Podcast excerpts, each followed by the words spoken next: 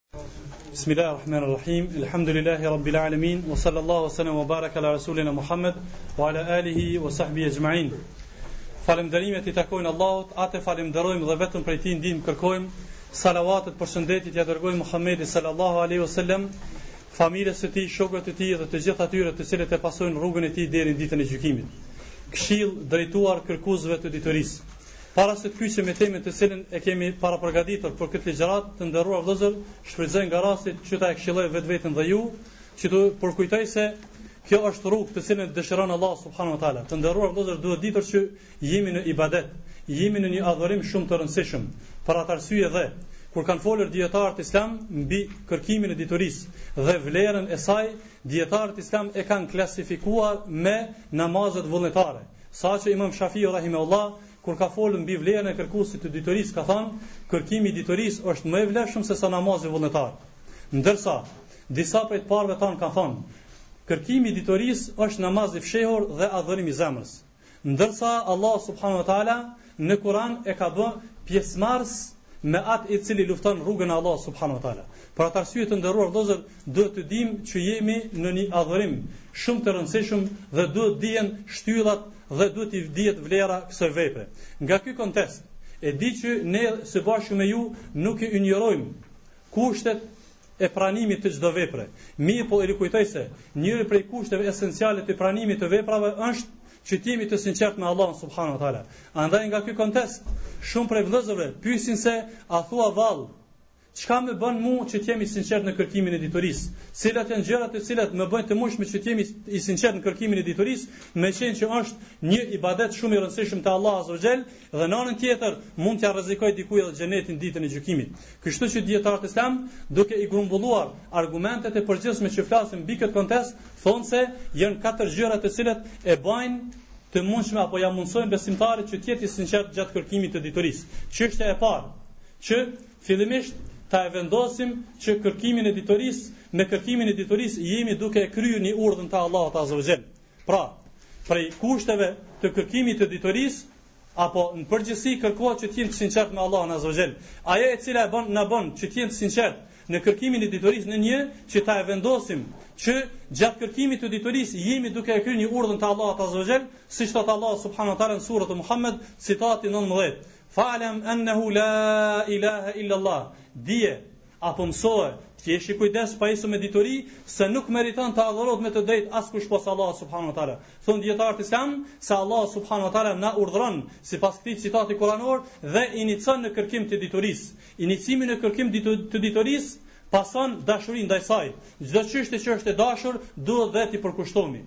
Andaj pra vëlla i nderuar, nëse don që ta dish vetveten, ta matësh vetveten se a je i sinqertë në kërkim të diturisë, dije sa Gjatë kërkimit të diturisë, je duke e kryer një urdhën të Allahut. Nën dy, prej çështjeve që na bëjnë të sinqertë në kërkim të diturisë apo gjatë saj është ta e dimë se jemi duke e ruajtur fenë e Allahut subhanahu wa taala. Gjatë kërkimit të diturisë jemi duke e ruajtur fenë e Allahut azza wa jall. Si ruhet feja e Allahut subhanahu wa taala? Të nderuar vëllezër, është bërë natyra e jon si besimtar, që ta mësojmë fenë përmes prallave, përmes tregimeve, përmes historisë së përgjithshme. Kur dikush na tregon një histori, na kënaqet shpirti. Qetësohemi.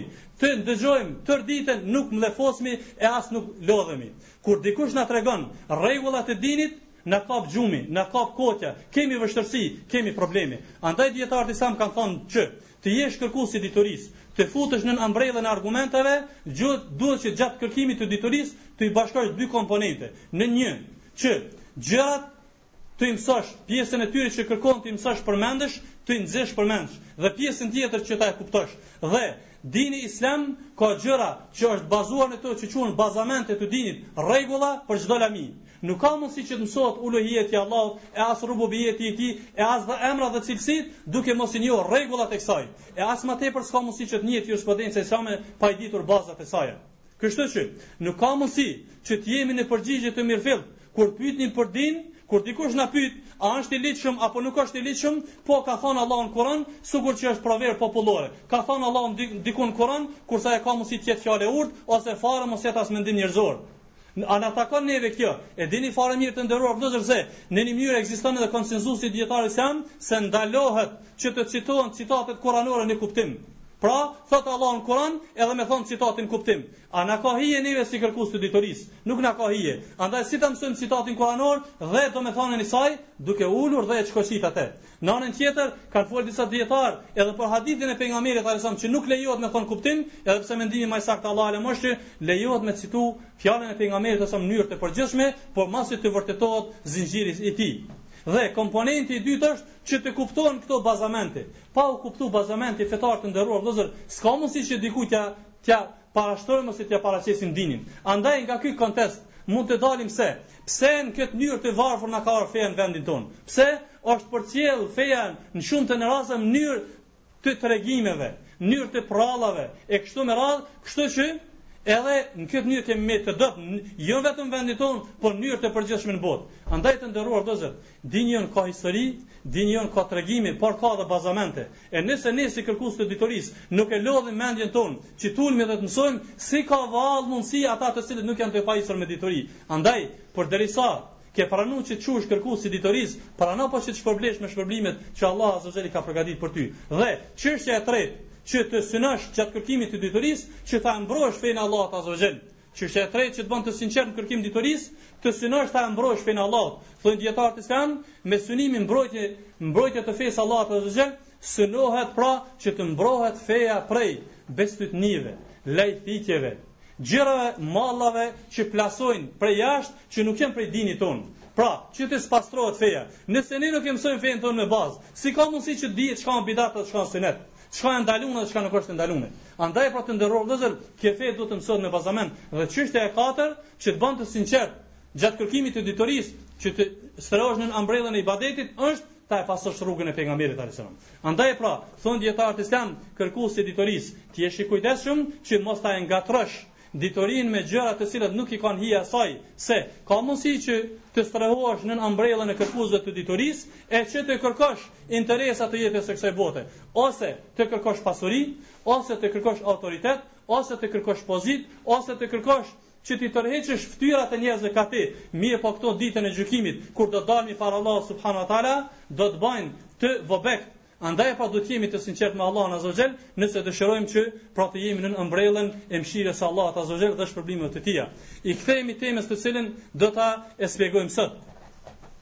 Të nderuar vëllezër, Për këtë ligjëratë kemi përgatitur një hadith që është shumë i rëndësishëm, që është porosi, të cilën ia ka bo pejgamberi sallallahu alaihi wasallam shokëve të tij, e që njëkohësisht kjo porosi është valide dhe shumë e rëndësishme për të gjithë udhëheqësit, për të gjithë pasuesit, për të gjithë punonjësit, për të gjithë liderët, për të gjithë shkencëtarët e aq më tepër për besimtarët. Kështu që duhet të jemi të kujdesshëm dhe të vëmendshëm gjatë ndëgjimit nëse dëshirojmë që sadopak të përfitojmë prej dobive të këtyre fjalëve të pejgamberit sallallahu alajhi wasallam, saqë shumë prej dijetarëve islam këtë hadith që do ta citojmë e kanë klasifikuar në mesin e xhevamiul kelim, fjalëve gjithëpërfshirëse. Kanë thënë se në këtë ky hadith është bazë e edukatës së muslimanit. Ky hadith e shkoqit fuqishëm shtyllën e gjashtë prej shtyllave të besimit, besimin në caktimin e Allahut azza wa xhel, dhe ky hadith na bën të mundshme dhe të dijshëm se kjo botë të nderuar vëllezër është me sakrifica të ndryshme, andaj që t'u bëjmë ballë sakrificave dhe stuhive të jetës së kësaj bote duhet të pajisemi me porositë profetike të Muhamedit sallallahu alaihi wasallam. Fjala pra është për hadithin e 19 sipas radhitjes së Imam Nevaviut. An ibn Abbas radhiyallahu anhuma qal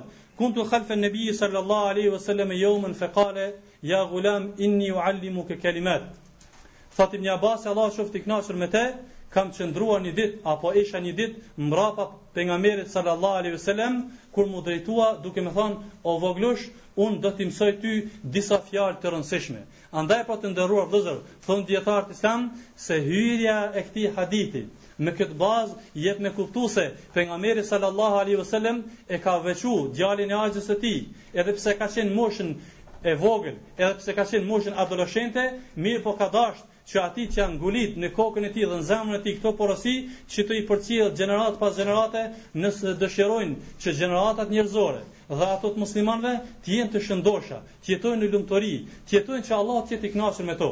Vazhdojnë porositë e pejgamberit sallallahu alaihi wasallam, drejtuar ibn Abbasit dhe tërë umetit deri në kataklizëm. Thot, i thot pejgamberi, "Ihfadhillaha yahfadhk." Ruje Allahun, praktikisht ruje fenë e Allahut, të run Allahu ty. Ihfadhillaha tajidhu tujahak. Ruje fenë e Allahut e gjen Allahun pranë teje. Idha sa'alta fas'alillaha, kur të kërkosh, kur të bash lutje, lute vetëm Allahun. Wa idha sta'anta fasta'in billah, kur të kërkosh ndihmë, kërko vetëm prej Allahut. Wa alam, kujdes, kjo është një porosi shumë e rëndësishme të nderuar vëllezër, që shumë prej njerëzve e kanë humbur fatin e jetës së tyre në këtë botë për shkak të moskuptimit të kësaj pike. E aq më tepër, shumë prej muslimanëve kanë lajthitur në kuptimin e kësaj.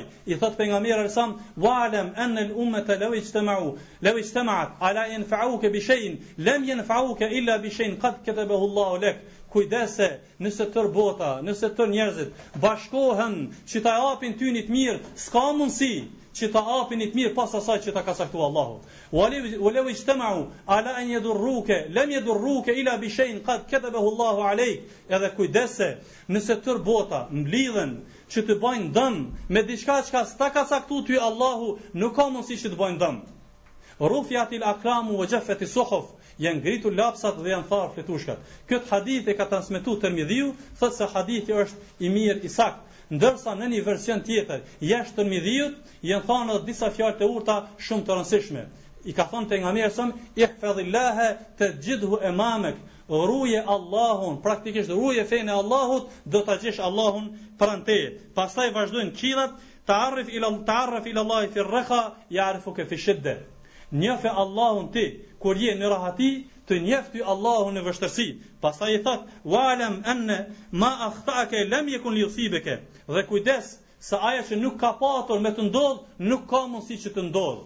Dhe vazhdon duke i thanë, "Wa ma asabaka lam yakun li yukhti'aka." Edhe ajo që të ka ndodh, nuk ka patur mundësi që mos të ndodh. I thot, "Wa alam an an-nasr ma'a sabr." Kujdes se fitorja vije me durim.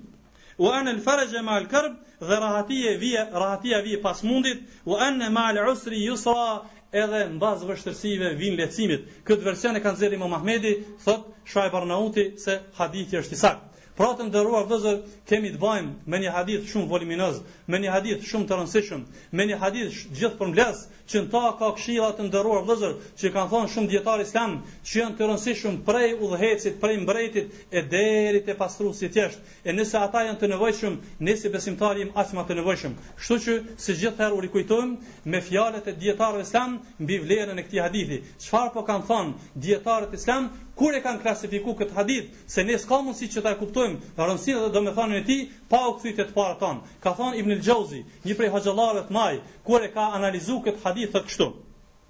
Tedebbertu fi hadhel hadith, e kam analizu gjatë këtë hadith. Fe edhesheni ve kidtu en etish, më ka befasuar dhe jam mahnit gjatë analizës së tij. Fe wa, fe wa asefa min el gjehli bi hadhel hadith, sa keq është që muslimani ta injoroj ta injoroj vlerën e këtij hadithi wa qilletit tefehhumi li ma'nahu dhe sa keq është që mos t'i kuptoj fjalët nga ky hadith.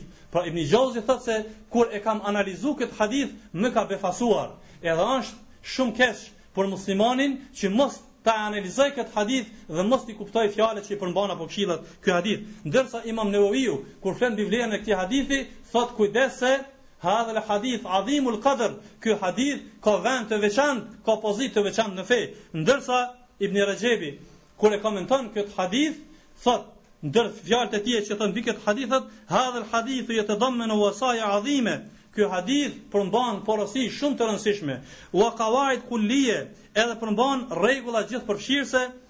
Min ehemmi umuri din prej çështjeve më të rëndësishme në fe. Pra Ibn Rexhebi është njëri prej atyre të cilët i kanë zbërthy këto hadithe që ne po i zbërthejmë dhe ka thonë kujdes se ky hadith përmban porosi shumë të rëndësishme ka edhe rregulla gjithëpërfshirëse dhe çështje të rëndësishme në fe andaj edhe duhet t'i shkoqisim që t'i kuptojmë ato kështu që duke mos humbur kohë i konkretizohemi porosisë së parë që ja ka ban pejgamberi sallallahu alaihi wasallam këtij voglushi, djali djalit të axhës së tij, që praktikisht është lut pejgamberi sa për Ibn Abbasin që t'ja mundësoj kuptimin e fesë edhe njëkohësisht t'ja mundësoj që ta e pajis Allahu azza wa xhel me dituri të famshme. Kështu që i thotë porosia e parë ihfazillaha yahfazuk. Ruje ti Allahun praktikisht Ruje dinin e Allahut, Allahu të run ty. Andaj pra, pyetja shtrohet, si ka mundësi që besimtari ta e run fenë, edhe si kuptohet kjo pjesë e hadithit? Dijetarët islam kanë thanë se besimtari e run fenë në dy mënyra. Fillimisht duke e praktiku ata në vetveten e tij. Të nderuar vëllezër, nuk ka mundësi që të ruhet feja pa e praktiku ne atë. Andaj dhe çdokush i cili thërret nën ambrellën e këtij dini, duke mos e praktiku këtë fe, nuk ka bereqet fjala e tij. Kështu që, nëse dëshirojmë që të na ruan Allahu neve, duhet ne ta e rujmë fenë. Çka synohet me fjalën ruje ti fenë e Allahut? Fjala është pra praktikoje ti fenë e Allahut, ruj kufijt e Allahut azza wa jall, mos i tejkalo ato që i ka ndalu Allahu dhe veproji ato sipas mundësisë që të ka urdhëru Allahu subhanu wa ta'ala, edhe pse citatet janë të shumta, mirëpo ne po i cekim vetëm disa prej citateve kuranore, ku Allahu azza wa jall thotë, Hadha ma tu'adun li kulli awabin hafiz men khashi ar-rahman bil ghaibi wa jaa bi qalbin munib. Thotë Allahu azza wa jall në surën Qaf citate 32-33. Në ditën e gjykimit është dita e shpërblimeve për veshtiash. Do ditur se amblemi apo rregulli i përgjithshëm thotë El xhezau min xhinsil amel, xhezaja, shpërblimi, është i po të njëjtit lloj sikurse vepra. Në Ditën e Gjykimit, s'ka mundësi ata që janë zhytë në mkate dhe kanë vdek me to, të jenë flamurtarë në shpërblime. Për atë arsye Allahu azza wa jall po thotë: "Hadha ma tu'aduna li kulli awabin hafidh." Këto janë shpërblimet për të gjithë ata të cilët gjithherë kanë kërku pendim te Allahu dhe kanë qenë hafidh, i kanë rujt kufit e Allahut. Kush janë këta që kanë qenë gjithmonë të penduar, kanë kërku pendim dhe i kanë ru ligjet e Allahut? Men khashya ar-Rahman bil ghaib wa jaa bi qalbin munib. Këta janë ata të cilët e kanë besu Allahun pa e pa fare. Edhe kanë ardh te Allahu me zemër të përkushtuar. Andaj vëllai i nderuar, që të jesh pra flamurtar në ditën e gjykimit, që të marrësh pjesë në shpërblimin e Allahut, duhet ta besosh Allahun azza edhe në vetmi, duhet t'i frigohesh Allahut azza wa jall në mkate, edhe kur s'ka njerëz se të sheh Allahu azza wa jall. Dhe në anën tjetër, pa që të vish me zemër të përkushtuar, se zemra e helmuar s'ka shpëtim në ditën e gjykimit. Pastaj thotë Allahu azza wa jall, "Wal hafizun li hududillahi wa bashiril mu'minin", Et-Teube, citati 112. Shpërblyes në ditën e gjykimit janë edhe ata, të cilët i ruajnë kufit e Allahut azza wa jall, i ruajnë ligjet e Allahut azza wa jall dhe jepju myzhde besimtarëve. Përgëzoji besimtarët se ata që i ruajnë fenë e Allahut azza wa jall do të jenë të shpërblyer tek Allahu azza wa jall. Kjo është pjesa e parë që kuptohet pra kush i ruan kufit e Allahut, dinin e Allahut, Allahu do ta shiqojmë se si e ruan. Dhe pjesa e dytë ishte pra ta ruajmë fenë e Allahut në vetveten tonë dhe t'ua rujmë të tjerëve. Praktikisht pra, ta e përcjellim këtë fe, të nderuar vëllezër, se e kem emanet o vëllezër të nderuar, ato që i ndëgjojmë, duhet t'ia përcjellmi grave tona, nënave tona, fëmijve tanë, fqinjëve tanë, shoqërisë tonë, këto mirësi, se kjo është prej mirësive të dinit, që ka thonë pejgamberi sa ed dalu alel khairi kefa'ili, Ai që i tregon dikujt për të mirë është sukurse me punu, apo ai që ja tregon dikujt rrugën e mirë është sukurse me vepru atë vepër të mirë. Andaj pra, në një mënyrë feja jonë na porosit që këto mirësi t'i përcjellmi edhe te tjerët. Andaj dhe e ka përcjellë hadithin Tirmidhiu dhe Ibn Maxha, hadithi është i saktë, ku Abdullah ibn Mesudi ka thonë se pejgamberi sallallahu alajhi wasallam ka thonë Allahu ja ndriço e ndriçoft një person, një njeri, i cili i ndëgjon fjalët tona. i kupton ato, i vepron ato dhe i porosit i përcjell ashtu siç i ndëgjon. Pra Allahu e ndriçoft fytyrën e një besimtari, i cili i ndëgjon fjalët e pejgamberit alejhi selam edhe i përcjell ato. Andaj pra ky është një shpërblim i veçantë që Allahu azza wa jall pra ja ka bo besimtarëve. Çështja tjetër, pjesa e dytë e porosisë të parë. Ruje ti Allahun, Allahu t'run ty. Si e runë Allahu besimtarin? Dijetarët islam thonë se Allahu besimtarin e runë n'mënyra të ndryshme. Fillimisht, Allahu e runë vetë njeriun. Qysh e runë Allahu njeriun? Duhet ditur të nderuar vllezër, se kjo pjesë e hadithit bën pjesë edhe në pjesën e parë të hadithit parë që kemi spjegu. Ku Allahu subhanahu wa ta'ala ju ka përkushtuar njerëzve n'mënyrë të veçantë ndaj krijesave tjera. A, e, sidomos ju ka përkushtu besimtarit. Ndër tjerash, duhet ditur që Allahu ka dërgu melaqe enkas speciale që e rujnë njeriun prej fatkeqësive. Ndër tjerash, thotë Allahu azze ve xhel n'Kuran, lehu muakibatun min bejni jedejhi u min, min khalfihi, jahfedhunehu min emrilah. Err-Rad citati njëmbëdhjetë, thotë Allahu azze ve xhel, se Allahu ka dërgu për ta vëzhgues prej melaqeve, që e ruajnë në pjesën e përparme të tyre edhe në pjesën e mbrapme të tyre, që janë dërguar me urdhrin e Allahut subhanahu wa taala. Ibni Abasi kur e komenton qit ajet kuranor thotë, Allahu ka dërgu melaqe speciale për ta ruajtur njeriun, por kur vjen kaderi i Allahut largohen. Se s'ka çare pa e godit ajo që i ka e ka caktu Allahu subhanahu wa ta'ala. Pastaj Allah subhanahu wa ta'ala ja ruan njeriut edhe shëndetin e tij. Pra të nderuar vllezër, përveç tjerash, Allahu e run njeriun në tërsi, mirëpo ja ruan edhe shëndetin, nëse ai e ka rujtur fenë e Allahut azze ve xhel. Ne do të sjellim shembuj praktik se si Allahu ja run shëndetin besimtarit, kur ai e run fenë e Allahut. Thonë dijetarët islam, ruje ti shiqimin tënd, ta run Allahu syrin tënd, ruje ti ndëgjimin tënd, ta run Allahu veshin tënd, ruje ti do ruje ti prekjen ta run Allahu dorën, ruje ti ecjen ta run Allahu këmbën, ruje ti mbrendësinë ta run Allahu zemrën, ruje ti të folurit ta run Allahu gjuhën, Kështu që po sjellim pak pak shembuj praktik se si Allahu Azza wa Jall i ka rujt parët tan besimtarë dhe vazhdon t'i run ata që e run fenë e Allahut. Është transmetuar në libra të historisë me versione të sakta se në një kohë ka qenë një bari delesh, i cili ka qenë besimtar i devotshëm. Edhe në kohën gjatë rujtjes së deleve ka filluar që të fal namaz, edhe ka lon delet vetmasi. Ka ardh ujku dhe po i run delet e tija. Mbasi që e ka përfundu namazin ky, ka ardh një person dhe i ka thonë, prej kur ka lidh aleancë ujku me delet? I thot bariu, prej momentit që Zoti i deleve, bariu i deleve ka lidh aleancë me Zotin e ujkut, prej atij momenti ka lidh edhe ujku aleancë me delet. Pra të nderuar vëllezër, thonë dijetarët islam se raste të tilla e rrënqethin trupin e besimtarit, se natyra e ujkut është që ta e shkatërrojë, ta e gëlltitë njeriun dhe delet. Mirëpo kur kanë patur frikë Allahun Azza wa Jall, Allahu i ka rujt ata edhe delet e tyre. Është transmetuar në versione të sakta se Ukbetu bin Nafie në kohën e Muaviut e ka dërgu që ta çlirojë Afrikën. E ndër të tjerash një prej qyteteve të njohura Kajrevanin. Ukbe bin Nafia, kur është emëruar prej Muaviut radiallahu anhu, që ta çlirojë Kajrevanin, thuhet që Kajrevani ka qenë një qytet i ngulitur me kafshë, i, i mbushur me kafshë të egra. Edhe gjatë rrugës duke shku, për ta çliru atë vend e ka lut Allahun azza wa jall që ta lirojë prej këtij presioni. Edhe thonë dijetarët islam, kur ka shku Ukbetu bin Nafia, Në Kajrevan i ka parë kafshët e egra karavan pas karavani tu e lëshu Kajrevanin. Tu e lëshu këtë vend. E thotë i kanë marrë ujqit dhe kafshët e tjera të vegjlit e tyre duke mos ju fol kush janë largu prej atij vendi. Thonë dijetarët islam se kjo aludon për frikën që kanë pas ndaj Allahut azze ue xhel dhe mbështetjen e tyre Allah subhanahu wa taala i ka ruajtur ata.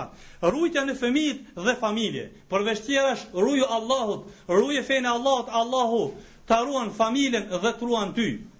E si ka mundësi, si Allah Azze ue Xhel, ta ruan familjen dhe ta ruan pasurinë. Unë po e ceki vetëm një shambull, se ka të shumtë që ka cek Allah Azze ue Xhel, në suretul Kehf citati 82, rasti i Musat a.s. me Hidrin. E dini se përveç tregimeve të tjera, kur është fut, Musa a.s. me Hidrin, janë fut në një fshat, që ka qenë një muri para rrëzimit. Edhe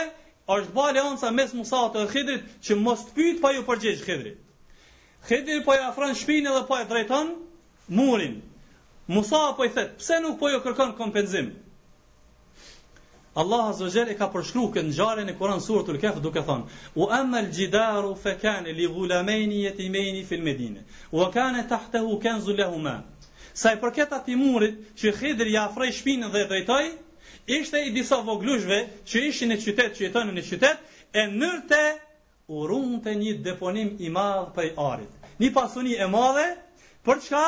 Wa kane ebuhuma saliha. Se baba i tyre ishte muslimon i mirë. E Allahu për shkak të sinceritetit, besimit që ka patur baba i tyre, ja ka rujt Allah azze ue xhel pasurinë e tyre. Kështu që dijetarët islam thonë, se Kur besimtari e runë fenë, Allahu ja runë familjen e tij dhe ja runë pasurinë e tij. Shekuj me radhë Allahu Azza wa Jall e ka rujt këtë muri, sikur t'u lente të rrënohej ai, do ta e groponin të tjerë dhe do ta e merrnin. Por thotë Hidri, kjo është me urdhrin e Allahut, i tregon Musait, Allahu më ka urdhnu që ta drejtoj këtë. Pse? Allahu azze xhele ka thënë këtë citat derisa ta arrijnë ata moshën e pjekurisë, se kanë qenë kanë qenë në moshë shumë të vogël, derisa të pjeken ata, pastaj ata do ta e kërkojnë pasurinë e tyre nër at muri dhe do ta shijojnë mirësinë e saj. Andaj edhe thonë dijetarët islam, ruje fenë e Allahut, Allahu ta ruan familjen dhe pasurinë.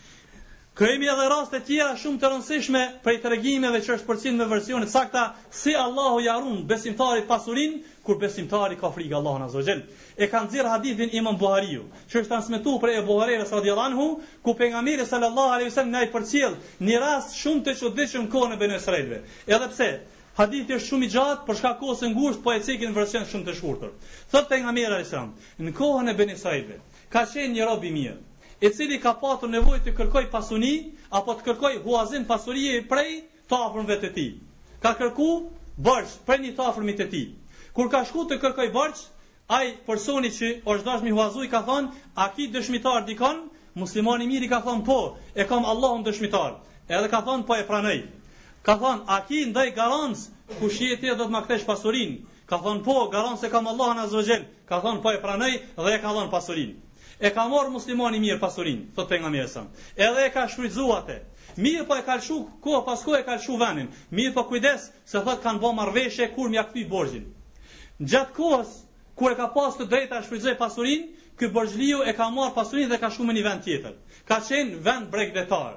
Kur i ka ardh afati m'ja kthy borxhin, thot nuk ka gje ndonjë njeri që do t'ja kthejë borxhin e tij. Por çdo ditë thot pejgamberi alejhi selam ka dalë në bregdet që mos ta sheh dikon që po lundron me anije dhe ja çon borxhin borxhliut.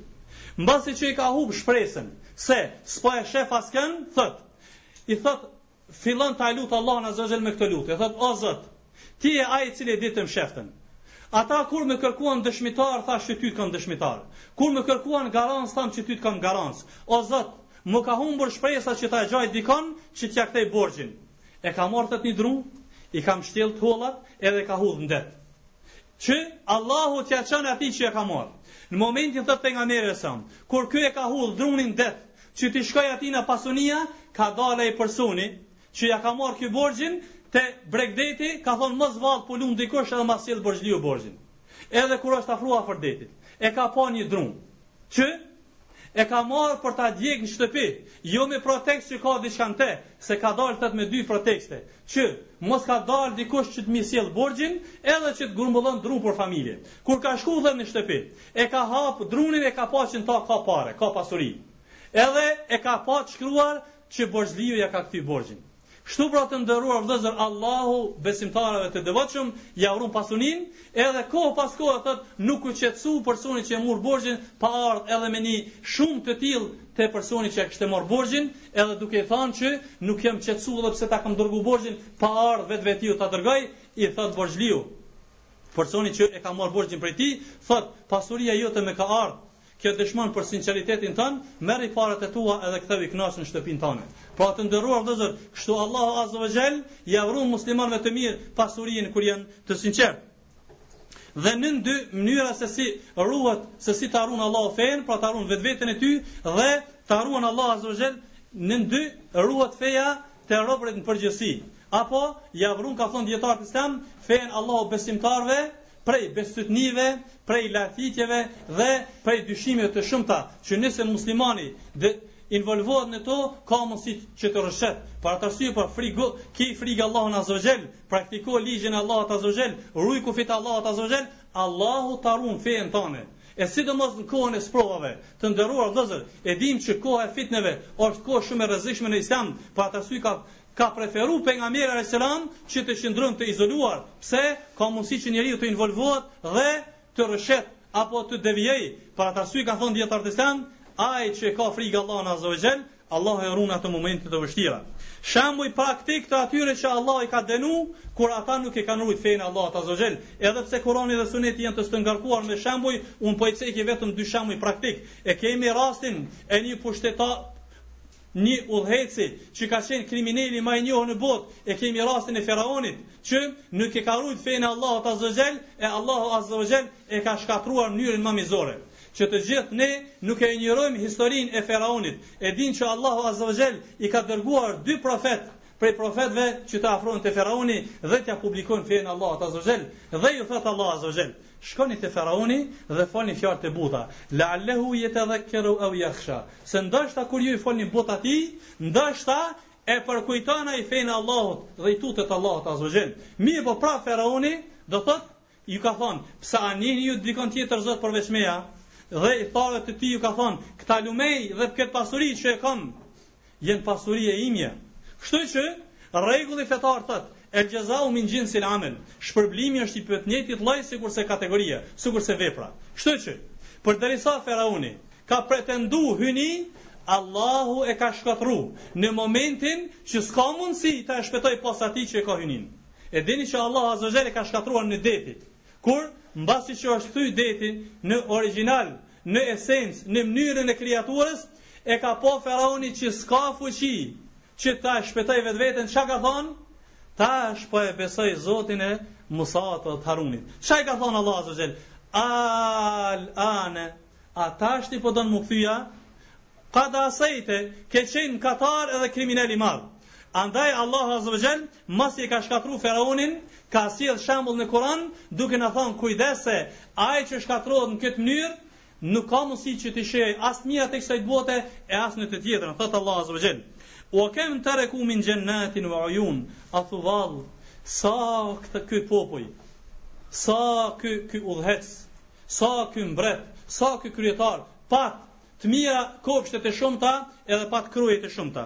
Wa zuruin wa maqamin karim, sa pasuri të madhe ne prej bujqësisë i dhamë edhe vende të mira.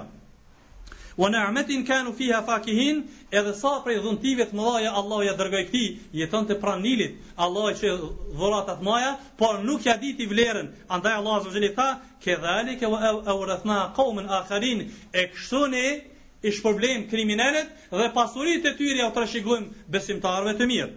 Ed-Duhan citati 25-28. Pra të nderuar vëllezër, shtu Allah Azza wa Jall i ka dënuar ata të cilët nuk e kanë rujt fenë e Allahut. Në rastin tjetër e kemë prapë në kohën e Musas a.s.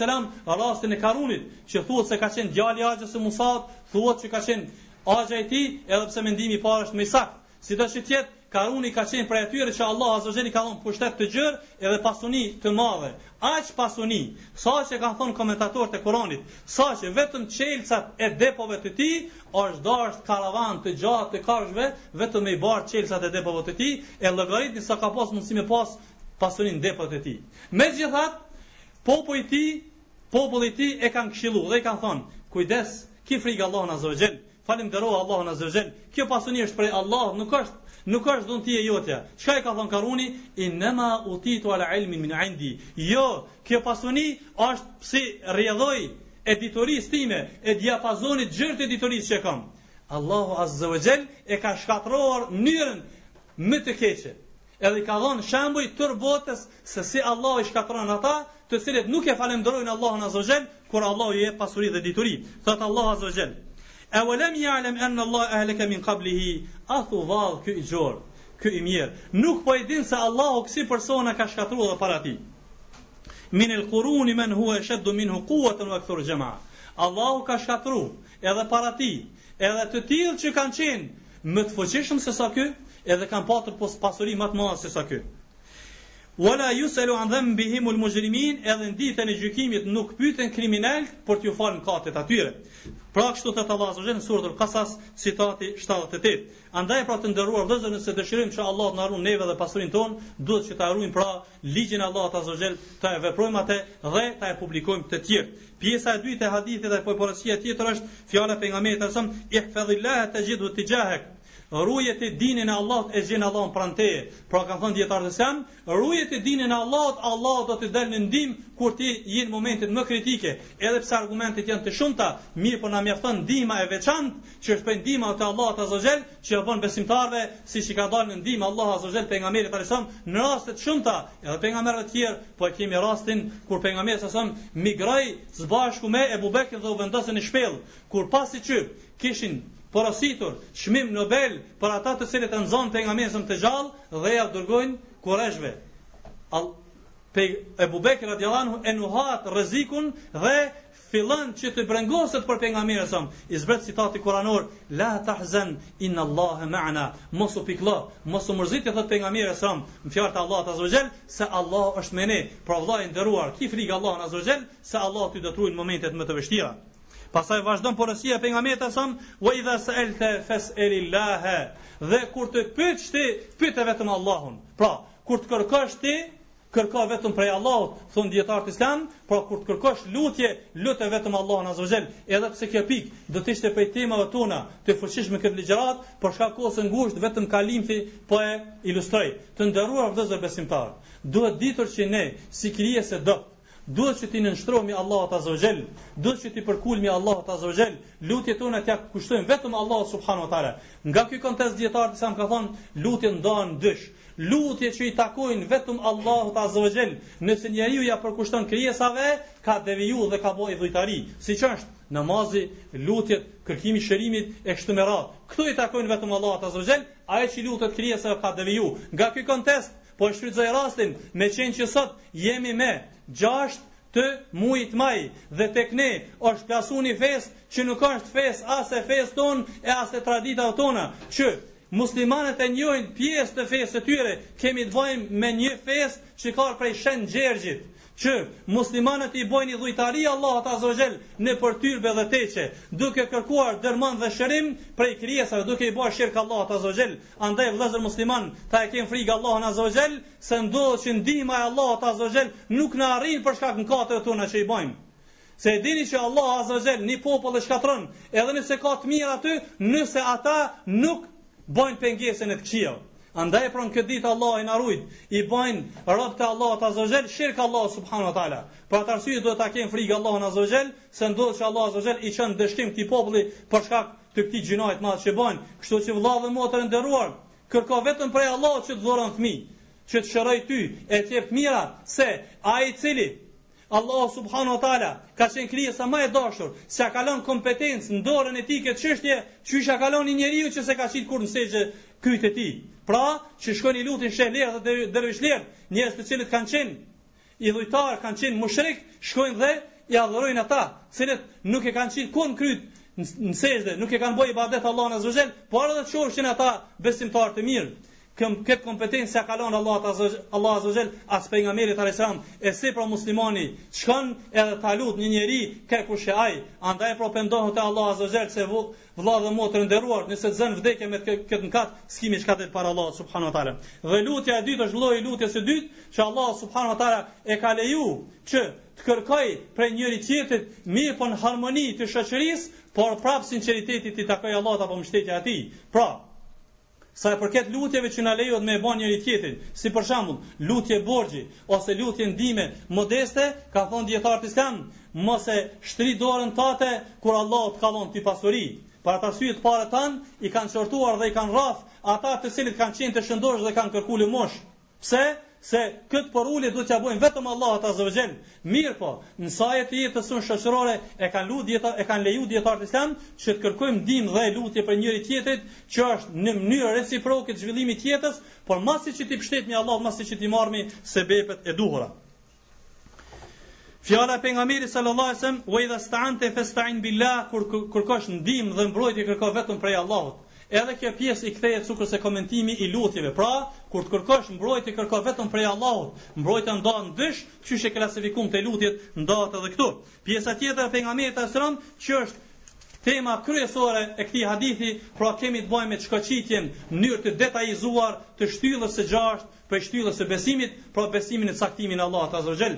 Pejgamberi sallallahu alajhi wasallam po i drejtohet Ibn Abbasit duke i thënë: "Kujdes, dije mirë se nëse krejt bota mblidhen dhe mundohen me ta dhënë një të mirë, që s'ta ka caktuar Allahu, nuk ka mundësi me ta dhënë ata." Dhe nëse krejt bota mblidhen me të bëjë dëm me diçka, s'ka mundësi me të bëjë dëm pos nëse nuk ta ka caktuar ty Allahu atë.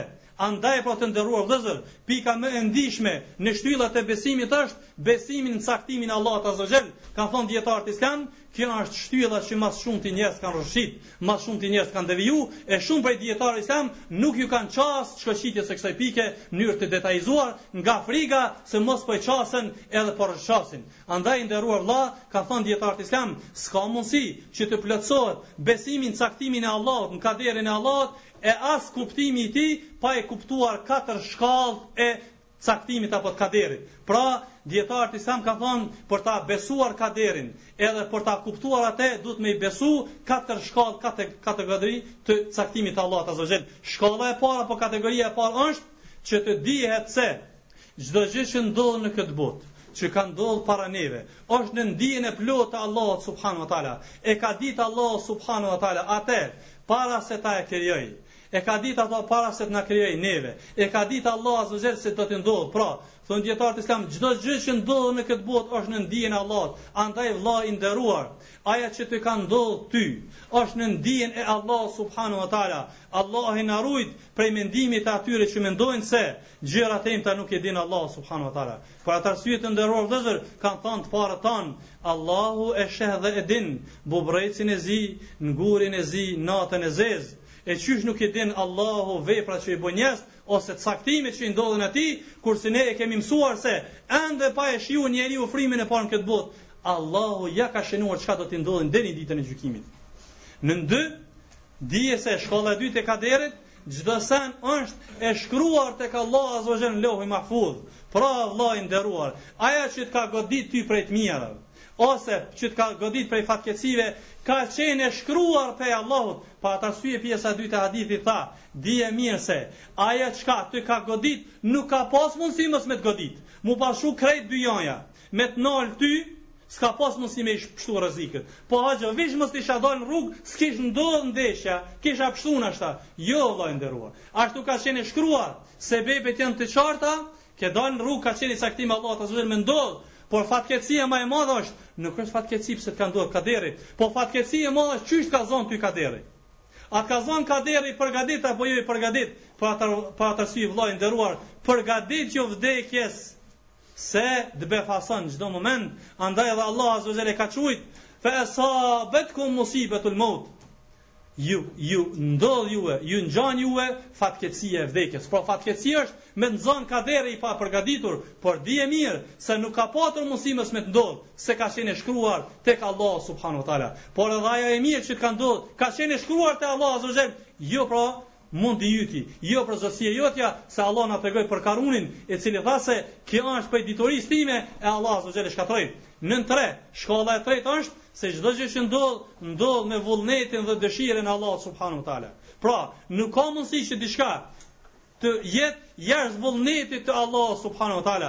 Andaj pra, ajo që ka ndodhë, qoftë e ëmbël, apo e idhët për neve është me vullnetin e Allahut subhanahu wa ta'ala, E nuk është kompetenca jona që ta fusmi kokën aty edhe të zbulojmë ose të pyesim. Për atë arsye dijetarët islam kanë thonë, kush e ka fut kokën që ta e kuptoj caktimin e Allahut, gjersa që të thotë se mu më është e caktune që ta bëj këtë gjynah.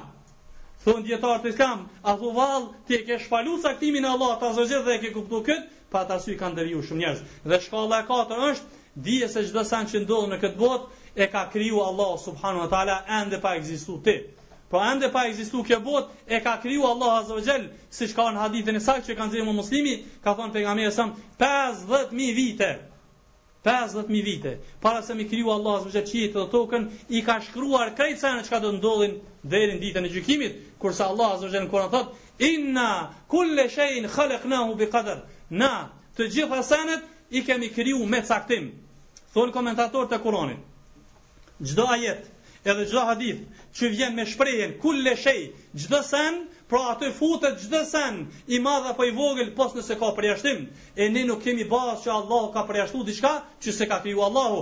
Andaj dhe ato që të kanë ndodh ty, janë caktimi i Allahut, e ka shkruar Allahu me vullnetin e Allahut dhe e krijun prej Allahut. Andaj pra vëlla i nderuar, Kujdes se ajo që të ka ndodh ty është me caktimin e Allahut, kështu që nëse dëshiron që të jesh nën ombrellën e shpërblimeve të Allahut azza wa jall, kuptoje pra këtë shtyllë në mënyrë të mirëfilltë, nëse dëshiron që të jetosh i lumtur, se sa e sa njerëz e kanë humbur shpresën e jetës për shkak të goditjeve që ia ka çu Allahu në këtë botë. Pra, kur Allahu ia ka çu një musibet, Thot m'u ka nxi mu jeta, s'ka jetë për mua. Kur ja ka marrë Allah azza xhel pasunin ose fëmijën e tij. Pse? Se s'e ka kuptu domethënë këtë shtyllë prej shtyllave. Jo i nderuar vëlla, ajo ka qenë e shkruar prej Allahut, mirëpo dhe kujdes, se edhe nëse ndodh caktimi i Allahut, ti dikur do të ftohesh, mirëpo vonë është për ty, për atë arsye ka thënë pejgamberi sa innama sabru fi sadmatil ula, sabri kërkohet në ndeshjen e parë. Kur të godet Allahu me një mirësi, falëndero Allahun. Kur të çon Allahu ndonjë sprovë, pra prap ti je si i durushëm ndaj Allahut azza wa jall, se Allahu të ka sprovu për urtësinë që e din vetëm Allahu subhanahu wa taala. Vazhdon porosia e pejgamberit sa duke thënë wa anna nasr ma sabri wa anna al faraj ma al karb dije se ndihma vije me durim dhe dije se rahatia vije pas mundit I nderuar vlla, s'ka mundësi që të fitohet xheneti me mkate. S'ka mundësi që të fitohet xheneti duke i qasë me i shiju krejt senet e kësoj bote. Unë po e shiju edhe këto edhe ato edhe ato, s'ka mundësi me u qetësu. Ose njëherë me m këtë rrugë e pastaj dikur vonë ja msymë xhamisë. Jo i nderuar vlla, duhet me ditë që vdekja s'pret, duhet me ditë që xheneti është i përgatitur, nuk i pranon zullumqarët edhe mkatarët të cilët kanë devijuar rrugën e Allahut subhanahu wa taala. Andaj edhe nga ky kontekst kanë thonë dietarët islam, durimi ndahet kryesisht në tri lloje. Durim ndaj kryerjes së urdhnave të Allahut azza wa jall. Vallahi o vllazni, e dimë na që nuk ka lehtë me u ul në këto banka me ndëgju. E dimë që nuk është lehtë me u ul këtu edhe me ndëgju fjalët e Allahut. Nuk është lehtë Me marr abdes edhe me ja msy xhamisë. Nuk është lehtë me u zgju natën me prish gjumin me fal namaz, nuk është lehtë me u shmang prej pijeve dhe kënaqësive me agjëru. Për atë arsye kanë thënë kjo është prej llojit të durimit, që Allah azza xal ka thënë innama yuwafa yuwafa sabirun ajrahum bighayri hisab. Kujdes se Allahu azza wa jall për durimtar ka përgatitur shpërblime të pakufishme. Lloji i dytë i durimit, durim Ndaj pengesës ose stopimit tës ose trysnisë mbi mkate.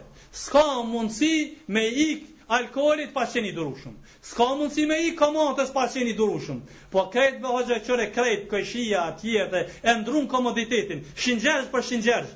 Tash është koha me ndru komoditetin te muslimanët edhe me me ba lyerjen e shpisë e tjera. Po e po do s'po ke mirë atje, a i kam lyp atij borxh, atij tjetrit s'ka.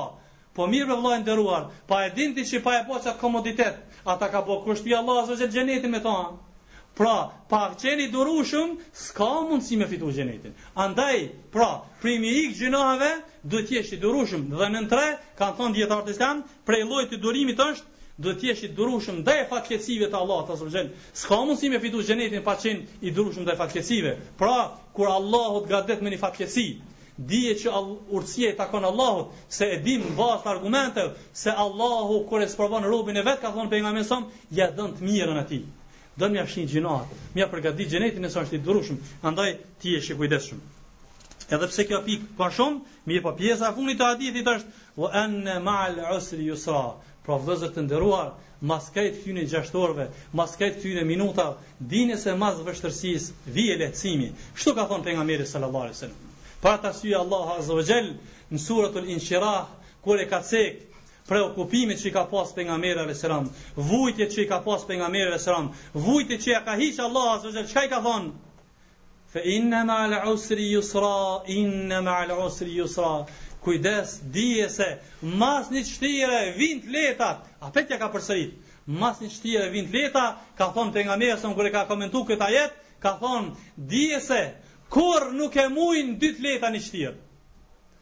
Edhe dije se mbas çdo përpjekje vjen repoza, andaj vëllezër të nderuar, mas tyre vështërsive që i kem për ta apliku dinin e Allahut, për ta ndëgju dinin e Allahut, na vijnë të mira te Allahu Azza Jell, ku e shfrytëzojmë rastin ta lusmi Allahun Azza Jell, që mbas tyre preokupimeve, mundeve që i kanë musliman, që Allahu Azza Jell na shpërblejë me shpërblimet e tija, që u ndihmojë muslimanëve na pajisë me sinqeritet,